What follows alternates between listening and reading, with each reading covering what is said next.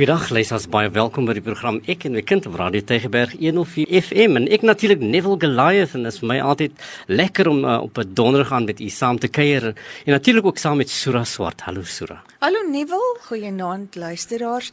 Baie dankie dat ons weer by julle kan kom kuier en kom gesels oor kinders en onderwys uh sake binne in ons skole, binne in ons gemeenskappe.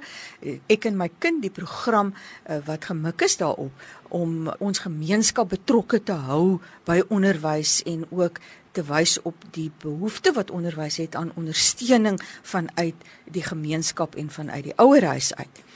Ons het verlede week die baie opwindende gesprek gehad met yes. ons onderwyshoof, meneer Brent Walters.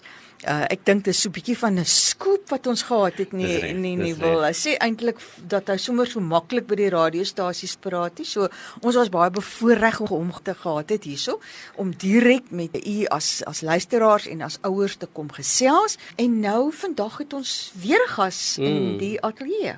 Ons het en u sal onthou ons het verlede week met meneer Walters gepraat oor die die welstand van opvoeders en die hulle belangrike rol in, in die herstel van onderwys en dat ons net vir onderwys back to normal met kry en back to basics and back to everything that used to be. Nou vanaand het ons 'n spesiale gas in die ateljee en sy is Vanessa Kruil is die uh, hoof van maatskaplike werk, is 'n skoolmaatskaplike werkers in die Weskus onderwysdistrik.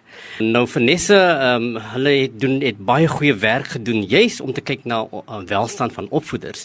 So Vanessa, baie welkom by Ek en my kind. Um goeienaand luisteraars. Dit is regtig vir my 'n wonderlike voorreg om saam met uh, Neville en Sura vanaand te kuier en ek hoop ons gaan sommer 'n lekker gesprek hê rondom ons onderwysers want hulle speel so 'n belangrike rol in ons onderwyserstelsel. So um baie baie dankie vir die voorreg om hier te kan wees. En jy sal weet dat uh, Radio Tygerberg strek so ver as Moreesburg mm. as ek dit mis het nie. Mm. So daar's luisteraars daar by Weskus wat Vanessa Kreel sal ken. So uh, ons wil ook vir julle daar op die Weskus sê baie welkom by by ek en my kind.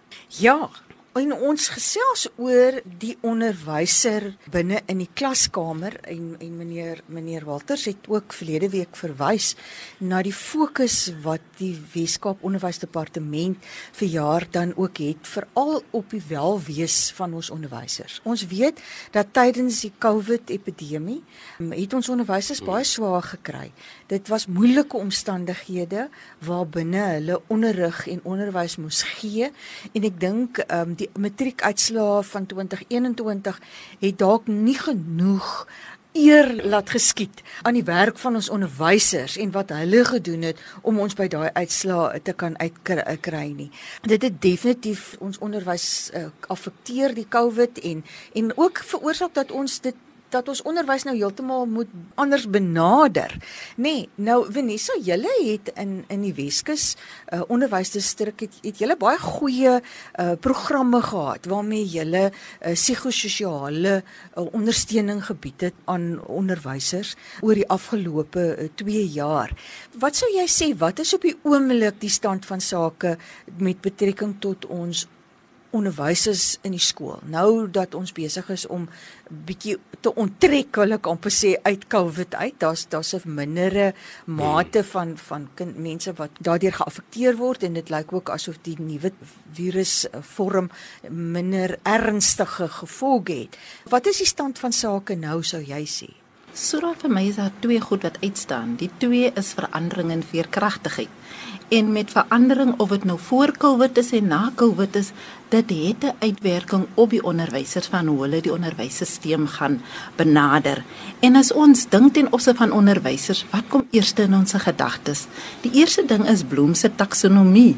Dit is eerste ding wat by onderwysers in hulle gedagte kom, hoe is hulle veronderstel om hulle pedagogiese kennis en hulle pedagogiese inhoudskennis oor te dra? Dit eerste vir hulle prioriteit is?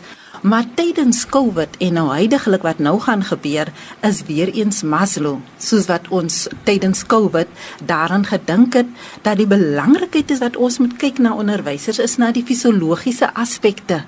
En ons moet kyk na veiligheid en sekuriteit, na hulle sosiale behoeftes, na selfbeeld en die belangrikste een na selfaktualisering waar onderwysers 'n punt bereik waar hulle net normaliteit kan bereik. Ons weet dit is eintlik normaal in 'n abnormale situasie. En ons het baie baie dinge gedoen. Um daar is praktyke wat ons graag wil herhaal wat ons gedoen het gedurende die COVID tydperk en waar ons nou mee met met aangaan. Een voorbeeld byvoorbeeld ten opsigte van onderwysers is um ons het die stelsel in die WKOD dat alle onderwysers wat geaffekteer of geïnfekteer is deur COVID op die lys kom. En die lys word dan na my toegestuur en wat ons heidaglik doen is die lys ken ons toe aan die verskillende maatskaplike werkers in die areas dat hulle daai onderwysers ja. kan bel net om kontak te maak En weet julle Sura en Neville, julle sal nie weet die positiewe terugvoer wat ons kry net deur 'n oproep hmm. terwyl mense soveel angs ervaar en hulle nie weet herwaarts of derwaarts nie.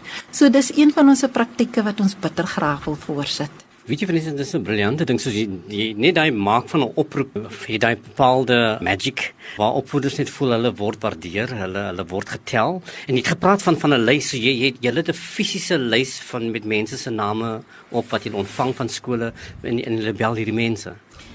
Nee, wel dis definitief so. Dit is eintlik 'n voorreg om my oproepe te kan maak.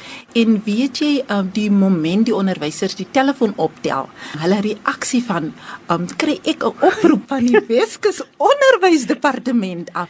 En daarna gaan die geselsie somme aan. Die geselsie van wat ervaar jy? Ja. Is daar miskien enige lewensverlies wat in julle gesin plaasgevind het? Is daar iets wat jou pla? Is jy bekommernis as jy moet terug aan skool toe? Hoe gaan jy dit hanteer?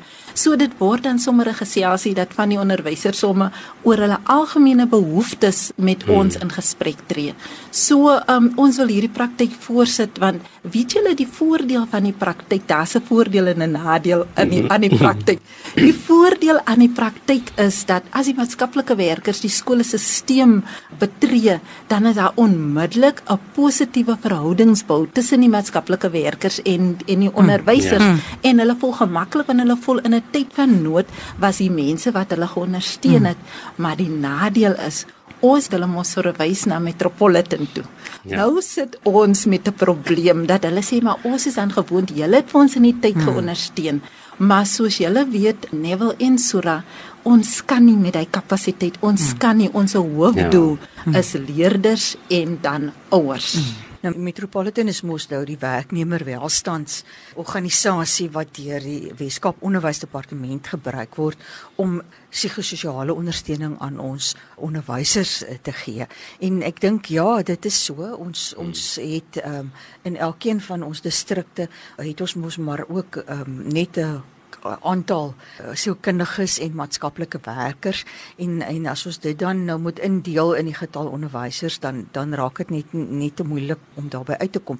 En ek kan nogal dink dat dit vir onderwysers so 'n kwessie sou kon wees. Wat is van die psigo en die emosionele en sosiale toestande wat na vore kom? As jy nou met onderwysers begin gesels, wat is die goeters wat vir hulle die moeilikste is om te hanteer, Vanessa? Ek dink die twee moeilikste een is soos wat ek nou gesê het verandering. Verandering van waar die pedagogie uh, fisies oorgedra hmm. word en nou moet hulle van tegnologie gebruik maak. En met dit is die vrese wat daarmee gepaard gaan. Soos julle weet verandering het mos nou maar vrese. Hmm. Hmm. En dan is dit die emosionele gedeelte, die emosionele gedeelte van depressie wat onderwysers ervaar en dan is dit baie baie 'n rouberaad um, wat mm. ons moet doen met opvoeders want rouberaad nie ten opsigte van hulle gesinne nie soos wat ons weet Bronfin Brenner wat wat so raso baie van hou die meesou en die verskillende vlakke ja. van dit as ons kyk dat um, onderwysers word dan nie net geraak binne in hulle self nie maar hulle word geraak deur die kinders in hulle klas wat ouers verloor wat familielede uh, verloor en dan gemeenskapslede soos byvoorbeeld hulle bure. So die een wat eintlik vir ons baie uitstaan is die een van rouberaad en die een wat daarmee saamgaan is dan dat onderwysers baie angs ervaar omdat hulle nie weet wat die dag van môre inhou nie. So um, wat ons doen is is weer 'n moeilike een vir my om te antwoord want soos wat ek gesê het, um, ons en onderwysers het mos nou hierdie band en nou moet jy die verwysing doen. Maar ons gaan uit ons saam met die sielkundiges en ons sien die onderwysers in groepe. Hmm. En in die groepe waar ek ook deel was van die groepe het ons 'n program wat ons met onderwysers deurwerk, byvoorbeeld wat ons sê hulle moet met ons deel wat was hulle gevoel voor Covid? Waar het hulle hulle self bevind voor Covid? Wat het daarna intussen gebeur en dat hulle met praktiese maniere op opkom en dan daarna waar bevind hulle hulle nou en hoe hanteer ons dit nou?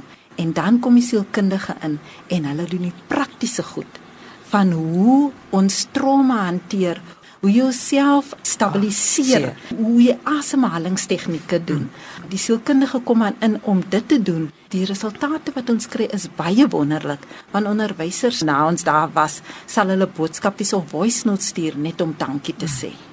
Weet jy vir Vanessa ek, ek bewonder dit wat julle daar doen want want jy besef dat hierdie dat hierdie behoefte wat onderwysers het is geweldig groot. En jy hoor altyd hoe, hoe onderwysers in skole kla dat hulle nie genoegsame ondersteuning verkry nie maar maar ons kan wel sê dat as onderwysdepartement probeer ons ons uh, beste om onderwysers te gee wat hulle nodig het. En en ons het vroeër gepraat van die die werknemers gesondheids en ondersteuningsprogram wat ook daar is. En jy het genoem jy maak hierdie oproep nê nee, en jy gesels met hulle. En dan het jy hierdie groep sessies. Is daar ooit 'n behoefte waar jy one-on-one face-to-face sessies met sommige van die opvoeders het wat wat nodig het? Definitief en wel hulle dring daarop aan. Hmm. Dat hulle sê net 'n 1 tot 1, alles is net een sessie ja. waar jy net vir ons kan debrief. Al doen julle die verwysing, maar wat ons ook doen is um voordat ons die verwysings doen, maak ons self kontak met ja. Metropolitan dat ons hulle kan okay. agtergrond gee van wat om te verwag hmm. as die onderwysers en ons is ook eerlik en ons sê vir hulle dat die onderwyser is huiwerig om te wil gaan. Maar ja. wat kan julle doen? Want wat ons ook opgetel het, die probleem is met ons in Metropolitan. Mense in die tyd van COVID het hulle net 'n fisiese kontak van iemand nodig nee, ja. en dit is 'n telefoniese kontak. Hmm. Alhoewel hmm. ons eers telefonies sien ons hulle mos daarna hmm. fisies. Mense het die behoefte aan dit hmm. omdat daar met COVID so baie dat ons baie verwyder van mekaar hmm. gelewe. Hulle hulle het nodig om iemand in die oë te kyk? Nee, definitief. Hulle het nodig om iemand in die oë te kyk, ja. Die onderwyser het nou sy eie of haar eie emosie en uitdagings intrinsiek om te hanteer binne in die klaskamer. Maar nou kom die kinders terug. Ons het nou die die rotasiestelsel het ons nou beëindig en die kinders kom terug en hulle kom ook met baie van dieselfde gevoelens en ervarings uh, kom hulle in die klaskamer in nê. Nee. En ek stel my voor en ek sien dit nou hoor dit ook daar in in ons distrik dat dit is 'n dis 'n hmm. uitdaging want vir die onderwyser ek moet met myself koop maar ek het ook daai koneksie met die kind en ek het ook besef die die swaar kry van die kind wat wat daar is wat hanteer moet word. Hoe uh, ondervang julle dit? Ek dink ons moet weer teruggaan na die belangrikheid van verlies toe. As 'n hmm. mens met jou eie verlies gaan, jou eie verlies hanteer het of dit ten minste geïdentifiseer het om te sien wat is jou pad vorentoe, dan maak dit moeilik partykeer om ons kinders te hanteer. So ons beginpunt is weer eens verlies. En as ons terug gaan en ons gaan kyk na ons kinders, watter verlies het ons kinders geervaar? Hulle het verlies geervaar van nie 'n skooljaar kon voltooi nie. Hulle het 'n ja. verlies van die kurrikulum geervaar. Hulle het 'n verlies ervaar waar hulle ouers verloor het. Hulle het 'n verlies ervaar waar hulle ouers binne die huisstelsel hulle werke verloor het. So daar is baie verlies en dit is eintlik ons beginpunt van werk. As ons die onderwysers gaan stabiliseer kry, dan kan hulle ons kinders beter sien. Hmm. En wat ook um, met ons kinders wat 'n groot um, uitdaging is, is dat daar baie uh, gender-based violence plaasgevind het. As ons gaan kyk na ons statistieke, dan is daar baie fisiese mishandeling wat plaasgevind het en baie seksuele mishandeling. Hmm. En daar is dit ook vir die onderwysers om dit te, te te kan verstaan. En wat ons nou gebesluit het die jaar saam met die sielkundiges dat ons die stopmisbruik protokol so gaan uitrol dat ons die wetlike aspekte doen, maar dat die sielkundiges kom en die trauma gedeelte doen. Hmm vir onderwysers ja. om die kind voor hulle te kan verstaan en daarvan af aan te beweeg. So, ehm um, dit is 'n nuwe 'n nuwe pad hmm. wat ons verlede jaar begin het en wat ons die jaar wil versterk. Sê my Vanessa, die kinders is in onderwysers, hulle is almal nog voltyds terug. Tot watter mate gaan hierdie verandering nou vir 2 jaar het ons mos nou die roterende program gehad, net skedule gehad. Jy het nou vir ons beskryf wat opvoeders beleef het. Hoe gaan die voltydse terugkeer na die klaskamer impakteer op, op wat onderwysers beleef? Wie nee, wat jy nou die vraagie vra, toe dink ek aan onderwysers wat byvoorbeeld begin skool hou het, nê? Okay. En hy hy begin skool hou en het in die COVID tyd begin skool hou. Ja. So jy was eintlik gewoond aan die klein klassies met die Yes. klein hoeveelheid Mm. mense en Ja, nee. nou d- ek dink so baie aan daai onder ons nuwe onderwysers, wat gaan ons vir hulle doen en wat gaan ons vir hulle beteken? Want uh, nou gaan hulle gaan met die grootste uitdaging sit wat nou met die groot klasse moet sit en hoe hulle dit gaan hanteer. Ek dink um, ons moet regtig waar dat ons met kurrikulum hande neem. Hande neem met ons uh, novice teachers.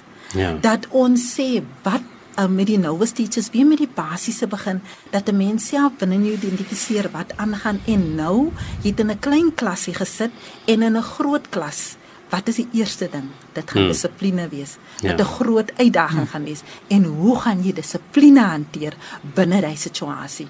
So, um ek dink ons moet baie netwerking doen. En 'n ding wat vir my baie na in die hart lê ten opsigte van netwerking is om te kyk na gemeenskapsprofiele, né? Nee? Ja. Ek dink ons kyk dit partykeer mis. Die munisipaliteite sit met hy inligting waar ons in die gemeenskapsprofiele spesifiek kan kyk wat in die spesifieke uh, gemeenskappe plaasvind en met daai inligting kan ons terugkom na die onderwysers toe en byvoorbeeld gaan sê gaan kyk in hierdie gedeelte dis hoeveel kinders daar uh, mm. ouers verloor het. Hier soveel child-headed households. Uh, en daar kan ons ook uit dit uit kan ons 'n bronnelys saamstel. En ek Hmm. dink dit gaan vir onderwysers net meer dat hulle net meer 'n houvas kry met dit wat binne in die klas in plaasvind.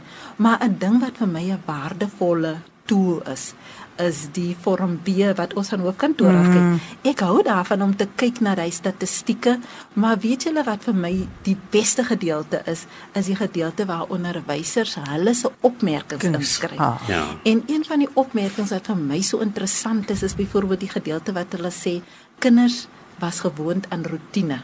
Hmm.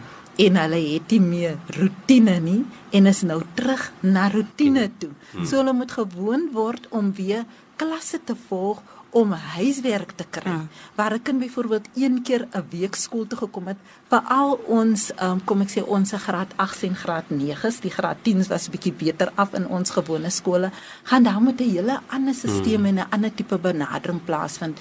En dan die ander ding wat ek daarop kyk is byvoorbeeld waar hulle sê kinders slaap in die klas.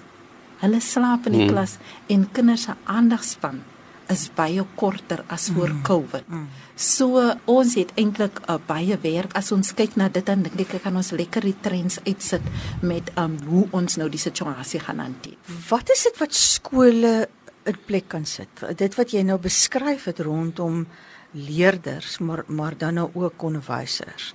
Wat is dit wat 'n skool as 'n groepering of 'n skoolgemeenskap in plek kan sit om van hierdie aspekte te ondervang om weer die normalisering van onderwys te te bewerkstellig. Ek dink die term wat uh, gebruik word um, um, by die WKOD is reset education. Hmm. Maar wat is dit wat skole dan nou anders sal moet doen? Ons het mos nou al vir baie eeue skole, maar vir die eerste keer word 'n skoolgemeenskap gekonfronteer nou met hierdie ander soortige situasie en en ek dink wat ons vanaand nou of mekaar gesê het is dit wat was voordat ons COVID gehad het hmm. en hier waar ons nou is is twee baie verskillende wêrelde. Dis dit wat skole gaan doen. Ek dink ons moet gaan kyk na die gemeenskapsprofiel.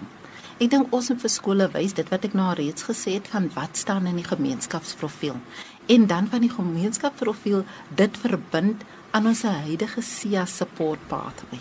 Hmm. Wat is in die SIA support pathway? Ek dink dat ons miskien kategorisering van die verskillende levels het van mild, moderate en severe. En as ja. ons van mild praat, dit ons vir onderwysers sê, as dit mild is, dit wil sê dit is 'n kind wat nog binne die klassituasie kan gaan hanteer word op 'n SNA 1. Hmm. So die onderwyser het beheer oor die situasie. En dan as ons van moderate praat, dat ons sê okay, dis 'n kind wat na die ESGOS moet verwys word. Ehm ja. um, die onderwyser kan nie meer die onderwyser het ekstra hulp nodig.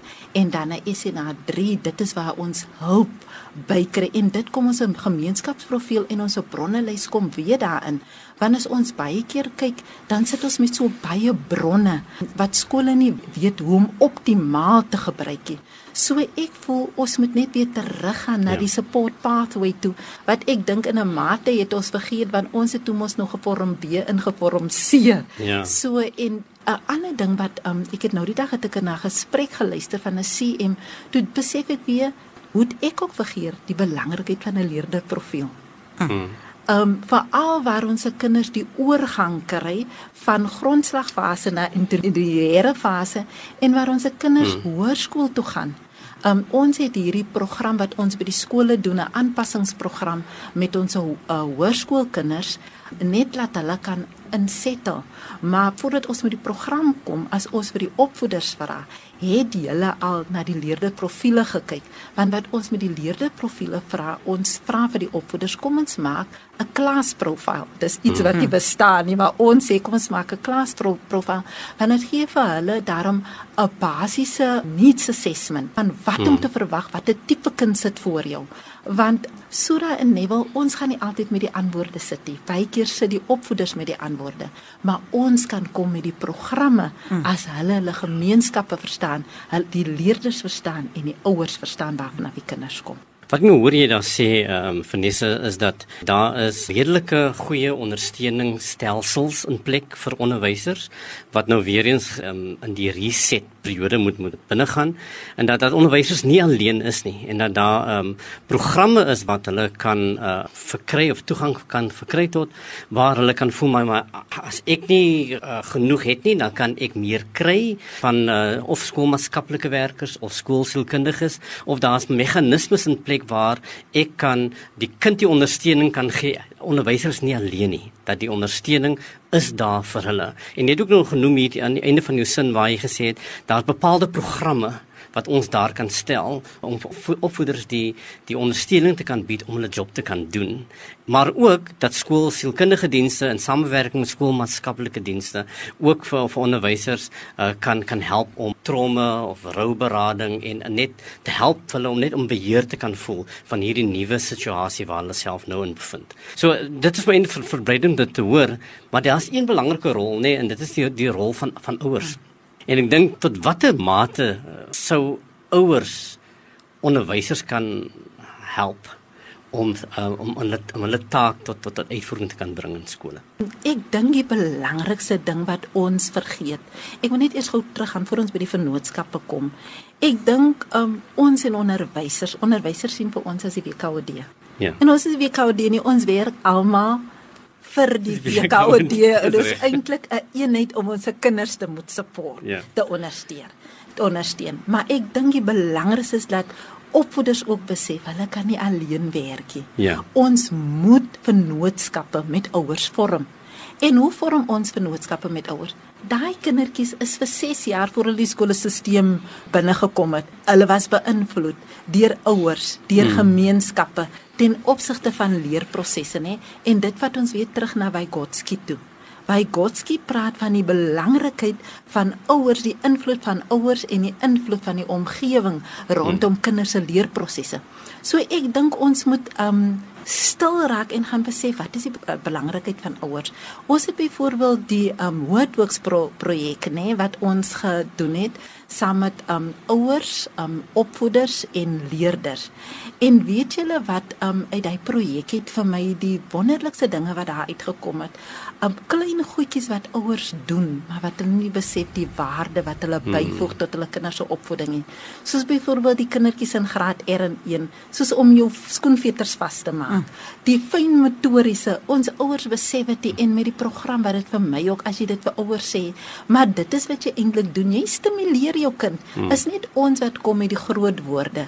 Soos byvoorbeeld in die Wordworks projek het ons byvoorbeeld laat hulle um, die ouers boekies maak vir hulle kinders. En hulle moet saam met hulle kinders hmm. boekies maak en dit dan voor voorlees. En um die terugvoering wat ons gekom kry, dan sê ouers vir jou, um juffrou, die kind het nog nooit geluister nie maar ek kan sien die kind luister. So dit is die waarde van vennootskappe en wat gebeur met hy luister. Hy hmm. luister gaan weer binne die skoolstelsel nê hmm. en dit is weer by Bloem se taksonomie ja. ingewerk. Ja. En as ons daai tipe van goed kan verstaan, dan dink ek ons kan ons kan groot goed bereik soos byvoorbeeld met ons tiener swangerskappe projek het ons byvoorbeeld besluit ons doen nou tiener swangerskappe support projek maar ons doen dit net met die leerders toe besluit ja. ons ons gaan nou die die ouers van die leerders inbring en weet julle die sukses daarvan hoe ouers wie se dogters swanger raak um, hulle in die groep werk sit en hulle met mekaar kon deel en sê, weet jy, ek het gedink ek is al ouer wat hier deur gaan. Mm. Ek kon dit nie verstaan nie, maar nou het ek 'n platform waar ek kon deel. En kyk hoe belangrik is dit net en met daai ouers kon ons ook die beleid van tiener swangerskap verdeel want mm. daar's gewoonlik die klein goedjies wat skole partykeer vergeet om oor te dra aan mm. ouers maar mm. binne daai konteks kan dit bespreek word so ons kan nie sonder ouers sê mm. voor ons daar was as die WKOD was die ouers klaar daar luisteraars ons het vanaand 'n ongelooflike 'n program van hoop gehad. Ek ja, dink almal wat geluister het na die ja. program kan met reg voel, maar hier is te midde van die opruimwerk wat ons nou moet doen, nê, nee, na afloop van die van COVID. Dit voel vir my ons is ons moet nou opruim. Is hier ongelooflike hulp wat beskikbaar is. Hier's ongelooflike goeie idees wat vanaand na vore gekom het en ek dink almal wat geluister het of jy nou 'n onderwyser was of jy 'n ouer was, ehm um, het idees kon kry ook van wat 'n bydrae jy kan lewer en hoe jy betrokke kan raak, maar ook hoe kan ons vorentoe beweeg met betrekking tot die herstelproses uh, binne in on, ons onderwys? En en Vanessa baie dankie. D dit was dit was regtig waar 'n vreeslike stimulerende gesprek dink ek vir almal wat vanaand geluister het en soos ek sê 'n program van hoop te bring dat ons ons gaan dinge weer regmaak in onderwys uh, binne in ons provinsie Baie dankie Vanessa. Ek dink jy moet volgende week weer saamkom kuier net dat ons 'n bietjie verder kan praat oor die programme vir ouers. En ek ja. dink dis 'n baie belangrike ding wat jy daar sê en ons het nie genoeg daaroor gepraat nie. Maar baie dankie dat jy vanaand met ons saam was en dit is vir ons 'n aangename voorreg om met jou saam te kon gesels. Baie dankie um, Nevelin Sura, baie dankie. Dit was regtig 'n voorreg en uh, luisteraars, ek hoop ek kon 'n saaitjie saai. Geseënde aand vir julle. Totsiens. Totsiens.